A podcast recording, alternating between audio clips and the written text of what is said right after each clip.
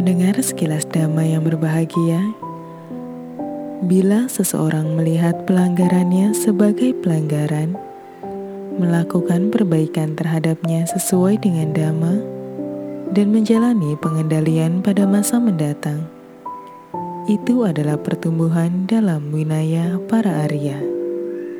Demikian penggalan Samyutta Nikaya 16 ayat 6. Upali penjaga Winaya Suatu hari, setelah ditabis menjadi biku, Upali menemui Bagawa, meminta izin tinggal di hutan. Sang Bagawa melarangnya karena jika ia tinggal di hutan, ia hanya akan melakukan meditasi. Sang Bagawa ingin Upali juga melakukan studi. Upali menerima nasihat Bagawa ia giat belajar, bermeditasi, dan akhirnya menjadi arahanta. Dalam sangga, Biku Upali dikenal sebagai yang paling paham tentang winaya, aturan disiplin. Ia pandai memutuskan kasus-kasus winaya.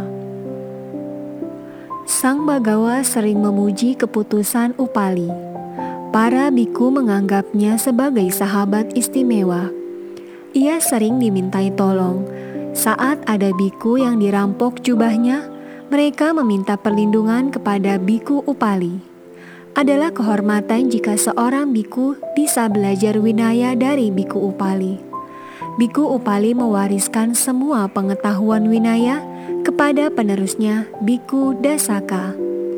Biku Upali juga membuat panduan winaya bagi angkatan berikutnya. Setelah Sang Bagawa mangkat, dalam persamuan agung di Raja Gaha, Biku Upali mengucapkan kembali Winaya, dan apa yang diulangnya saat itu kelak dituliskan dalam Winaya Pitaka. Sang Bagawa memujinya sebagai biku yang unggul dalam menjaga Winaya.